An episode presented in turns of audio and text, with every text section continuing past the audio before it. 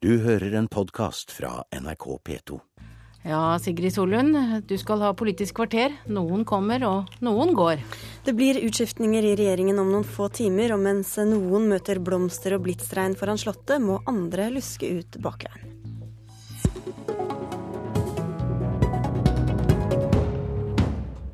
I dag får regjeringen tre nye medlemmer og mister to. Heikki Holmås, Inga Marte Torkelsen og Bård Vegar Solhjell er på vei inn, mens Erik Solheim og Tora Aasland må takke for seg.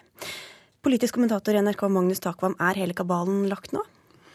Når det gjelder statsråden, statsråden, så er den jo det som du sier. Eh, men eh, jeg har forstått det sånn at ikke alle brikkene er falt helt på plass når det gjelder statssekretærer. Og der er tankegangen litt sånn også at siden det har, tross alt er en stor utskiftning her, at man eh, forsøker å ta vare på litt kontinuitet også, slik at det nok vil bli en del av dem som har vært statssekretærer til nå, som fortsetter. Og da er det noen som har lurt på Heidi Sørensen. Det er jo ikke alle menneskene under statsrådene som er like synlige, men hun er det som statssekretær eh, blitt kalt den virkelige miljøvernministeren. Fortsetter hun? Det jeg har forstått, er at hun gjør det inntil videre. Eh, som du sier, så har jo eh, den eh, måten dette har vært organisert på nå, slik at der Solheim har hatt ansvar for to statsrådsposter, egentlig, vært krevende. Slik at hun i praksis har vært den daglige lederen i sjefen i Miljøverndepartementet, vil mange si. I hvert fall på nasjonalt plan. Og hun fortsetter, og det er litt av dette med kontinuiteten.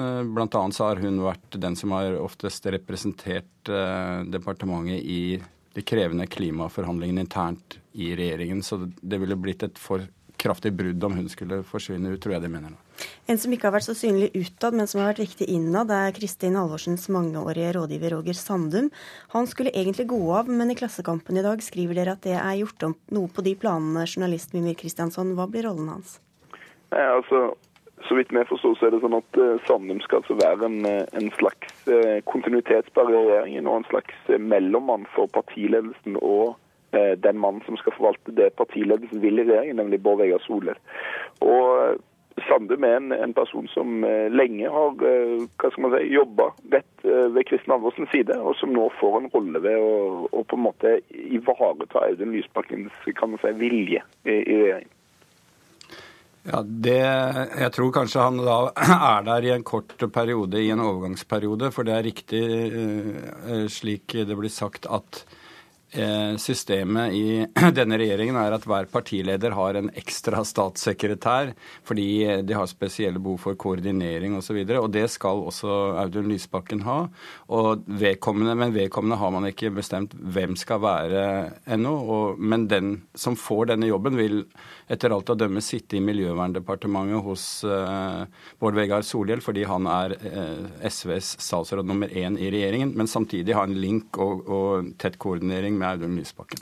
Kristiansson, hvilke personer i SV har tatt avgjørelsene om hvem som skal ut, og hvem som skal inn?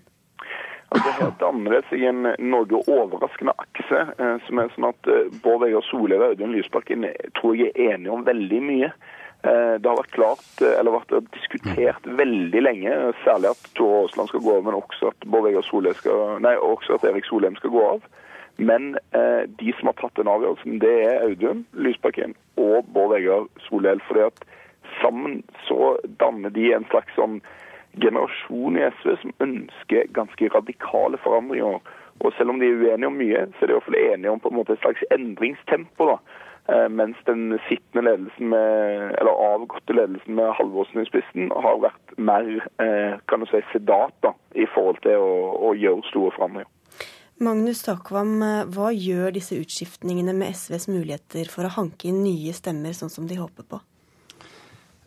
Vel, de får i hvert fall nye frontfigurer eh, til en viss grad. Eh, statsrådspost gir jo folk en maktposisjon, men også en tyngde utad. Så de håper jo på å markere et generasjonsskifte og en ny giv. Men situasjonen for SV er jo veldig krevende. Jeg mener de eh, målingene som er tatt om effekten av Lysbakken-saken f.eks., viste at for SVs velgere så har ikke den betydd noe særlig negativt. Og da er man antagelig nede på grunnfjellet hos de lojale SV-erne i øyeblikket.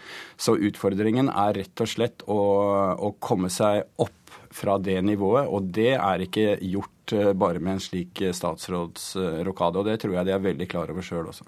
Kristiansson, tror du det er noen forskjell på hvor tro mot regjeringen SV vil være før og etter disse rokeringene? Nei, og i den grad jeg tror det blir noen forskjell, så er det det at SV vil være enda mer tro mot regjeringen enn de har vært før. Altså, Audun Lysbakken har lagt seg på, for meg iallfall, synes det som en veldig regjeringstro linje. Eh, og han er veldig opptatt av å bevise at SV kan styre og kan fungere i en regjering. sånn at jeg har ingen tro på at SV går ut av regjeringen. Eh, det måtte i så fall være om det kom en klimamelding som var i SVs øyne skrekkelig dårlig. Men eh, jeg tror de vil gjøre sitt beste for å på en måte holde ut. og den som kanskje kan, paradoksalt nok, levere mest regjeringskritisk stoff, er vel kanskje Heikki Holmås som minister. Men han er jo også en mann som, som framfor alt skyter fra hoften. da, eh, en mulig å si. Til slutt der, Magnus Takvam, Blir det noen endring av politikken med endringen av statsrådene? Nei, ikke i de store linjene. Der har jo Lysbakken streket opp det i sin tale. Og jeg er enig i at han understreket der at, uh, at uh, det å være i regjering er en viktig strategisk jobb for SV. Det gjelder om landet skal gå politisk om politiske avgjørelser skal skje i skjæringspunktet mellom SV og Arbeiderpartiet, eller, SV, eller Arbeiderpartiet og Høyre. Og det er jo et signal om at det er viktig at eh, SV har en hånd på rattet og binder opp Arbeiderpartiet. Takk skal dere ha, Mimir Kristiansson og Magnus Takvam. Og NRK følger selvfølgelig statsrådsskiftene utover dagen på radio, nett og fjernsyn.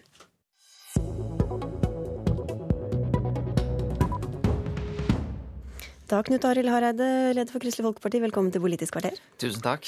Om noen få timer skal du møte partiets landsstyre, som skal møte i helgen, og det skal vi snakke om straks. Men i dag er det altså duket for statsrådsskifter. Og selv om ikke du kanskje vet nøyaktig hva som er skjedd i dette tilfellet, så har du selv erfaring fra statsrådbytter i regjering. Hvor mange partiene og i regjeringen blir involvert i slike avgjørelser? Ja, det er ytterst få. Det er så få som det er mulig til å være til å gjennomføre denne type bytte. Det kan nok være slik at eh, partiet og partiorganisasjonen inviterer mange til å gi innspill. Men de som reelt sett sitter og diskuterer dette og tar avgjørelsen, er, er veldig få. Det tror jeg er bare partiledelsen og i realiteten òg en diskusjon opp mot statsministeren og kanskje noen av statsministerens nærmeste medarbeidere. Er det først når statsministeren ringer at man faktisk vet at man har fått posten? Eh, Iallfall var det slik i mitt tilfelle. Eh, jeg var nok med på noen sonderinger eh, sammen med partiledelsen, og det var måte partilederen som, som kom med forslag om at kanskje jeg skulle gå inn i regjeringa som miljøvernminister i 2005, for å få til da en, en fornyelse og gi meg en, en politisk plattform. Men det var først da statsministeren ringte meg at jeg forsto både når det skulle skje, og at det ville skje. Det var Bondevik som ringte deg. Hva sa han da? Ja, da, da, spurte han om jeg var interessert i å bli eh, miljøvernminister, og så snakket vi litt om, om den jobben. Og så spurte han òg eh, om det var noen informasjon om meg eh, som han ikke kjente til, som han burde kjenne til. Hva var svaret? Da, da, da var jeg det at jeg sa jeg tror du veit det meste om meg, sa jeg til, til Kjell Magne Bondevik der. Så, så, det var ingen hemmeligheter som kom fram i den samtalen. Hvem får beskjed først, den som skal ut, eller den som er på vei inn? Jeg tror nok eh, slik som eh, Bondevik gjorde i sin tid, så var det nok viktig for han å ha faktisk en enda bedre dialog med den som er på vei ut. Det gjelder noe med, ryddighet. Eh, og jeg tror iallfall i det tilfellet som det var da jeg kom inn i regjeringa, da var det jo da Einar Stensnes som forlot en post. Og det var jo overhodet ikke noe med den jobben han hadde gjort. Eh, vi var jo suverent fornøyd med hans jobb, og jeg tror nok at Bondevik da hadde en tettere dialog med, med Stensnes enn han hadde med meg. I denne runden har Erik Solheim vært relativt åpenhjertig, uten at han har kritisert partifellene på noe vis, eh, så langt i hvert fall. Men er det comme få for sparkede statsråder å si høyt at de føler seg dårlig behandlet, eller kritisere avgjørelsen? Jeg tror nok alle forstår at det kan være en skuffelse å gå ut av regjering. Og jeg tror en umiddelbar reaksjon er nesten bør være det. jeg. fordi at eh, sitter du i regjering, så skal du være lysten på å gjøre en, en jobb. Um, og jeg tror òg at uh, den jobben som Erik Solheim har gjort, står det stor respekt av. Uh, så jeg forstår den forstår hans følelse for det. I dag begynner altså Kristelig Folkepartis landsstyremøte, hvor et av de viktigste temaene blir samarbeid. Med hvem og på hvilken måte. Hvor tror du dere står etter at denne helgen er omme? Ja, jeg, Vi har en god prosess rundt samarbeid i partiet. Og det er landsstyret vårt som selvfølgelig leder den eh, prosessen. Eh, og jeg tror landsstyret vårt kommer til å ta stilling til hva tid vi skal komme med vår endelige beslutning og gi vårt råd til, til landsmøtet. Og det er det landsstyret som kommer til å gjøre. Og når og, tror du det blir? Ja, Det skal vi diskutere da de, de, nærmeste dagene. Vi har sagt at vi ønsker å gi et svar i løpet av 2012. Og realiteten har vi da en mulighet å gi det, fatte den beslutningen i september eller november. Og jeg tror nok kanskje landsstyret tenker at uh, å gi det rådet i september vil være et egnet tidspunkt, da det er ett år til valget. Hvorfor skal dette ta så mye lengre tid for Kristelig Folkeparti enn f.eks. For, for Venstre? Ja, det er fordi at uh, det tar ikke noe lengre tid enn normalt. Faktisk så kommer vi ut med dette standpunktet vårt tidligere enn vi normalt har gjort. KrF har hatt en uh, historikk som sier at vi tar stilling til samarbeidsspørsmålet på landsmøtet like før valget. Så denne gangen her så kommer vi da sannsynligvis ut med et budskap ett år før valget, mens vi til vanlig bare, bare har gjort det noen måneder før valget. Så vi er for så vidt i bedre rute og vil komme ut tidligere enn normalt. Forgjengeren din Dagfinn Høybråten advarte mot å tro at det nødvendigvis var høyresiden som delte flest av KrFs verdier nå nylig. Og dette kommer du til å komme inn på i talen din i morgen også. Er du enig i analysen hans? Jeg forstår den analysen til Dagfinn eh, veldig godt. Han har en politisk erfaring. Og det som jeg tror, eh, som han veldig riktig påpeker, er at en del verdispørsmål eh, som vi tradisjonelt har hatt støtte fra, fra høyresida av, ser vi nå et litt mer blanda bilde. Eh, det vil da si at eh, i en del saker, som f.eks. da går på kampen mot sorteringssamfunnet, det å innføre tidlig ultralyd, så opplever vi at eh, Arbeiderpartiet er imot oss, men òg Fremskrittspartiet. Hvis vi nå òg ser f.eks. på det som går på reservasjonsrett for leger, leger som av samvittighetsgrunner ønsker å reservere seg mot f.eks. abort. Det er ikke en del av abortdebatten, men det er en del av samvittighetsdebatten for for leger. Og der må nok jeg si at jeg tror det er stor skuffelse i KrF at vi har stått så alene i den saken. Og jeg tror nok at det er mange som er forbausa over ikke minst at et parti som Høyre ikke støtter oss i den saken. De som har individuell frihet, som har et ønske om mangfold, og så går de altså imot oss i den saken. Og det har skapt en, en, en djup skuffelse i KrF. Og, og hos deg, eller? Ja, jeg har, lagt, jeg har, lagt, merke til det. Så det er slik at uh, når vi skal vurdere hvem vi skal samarbeide med, så må det være en helhet. Uh, så det er selvfølgelig politikken som er aller viktigst der, men òg en vurdering av den politiske situasjonen. Uh, jeg tror med den dagen vi har i dag, så tror jeg vi med trygghet kan si at den flertallsregjeringa som sitter, kommer til å sitte fram til valget i 2013. Du er inne på det. Altså, KrF er enig med høyresiden f.eks. i næringspolitikk, skolepolitikk, med venstresiden mer i klima, bistand, sånne ting. Mens det du var inne på nå, altså viktige verdiområder for KrF, der er bildet mer nyansert. Må dere nå avklare innad hvilke saker som er de viktigste for dere, for så å se hvilke partier dere skal samarbeide med? Det blir iallfall en del av den diskusjonen vi kommer til eh, å ha. Og jeg tror òg at vi er nødt til å gjøre noen prioriteringer. Hvilke saker er det vi prioriterer aller, aller høyest? Det er klart at de tradisjonelle verdisakene har for KrF spilt alltid en veldig viktig rolle. Og jeg tror òg det kommer til å gjøre det når vi kommer til å lande ut Men det bildet er jo så, så rotete, for å si det sånn, at det ikke er gitt hvem dere da skal samarbeide med? Ja, eller det som da Dagfinn Høybråten sa, og som jeg tror er riktig, det er at vi kan ikke bare bruke en autopilot autopilot. Eh, vi er nødt til å se det nye politiske landskapet når vi vurderer den type saker. Så er det òg slik at eh, i en del grunnleggende verdier òg, som, som, valgfrihet f.eks., som er, viktig. for der, der, kjenner vi oss nærmere da høyresida, mens i noen saker som kampen mot fattigdom, så står vi nærmere venstresida. Ja, og hvilk, I hvilken grad blir da dette, denne avgjørelsen et verdivalg for Kristelig Folkeparti? Jeg tror nok at eh, i realiteten så er det de viktigste verdisakene som kommer til å, til å styre vår eh, beslutning. Men de eh, verdisakene er jo da, som vi har vært inne på, mange?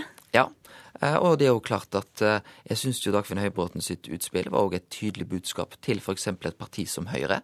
At de må forstå viktigheten av verdisakene for, for KrF, og at KrF er ingen selvfølge inn i et politisk samarbeid i 2013. Men dere kan da måtte velge om dere vil være mest opptatt av f.eks. reservasjonsretten, eller mest opptatt av bistand, eller mest opptatt av friskoler?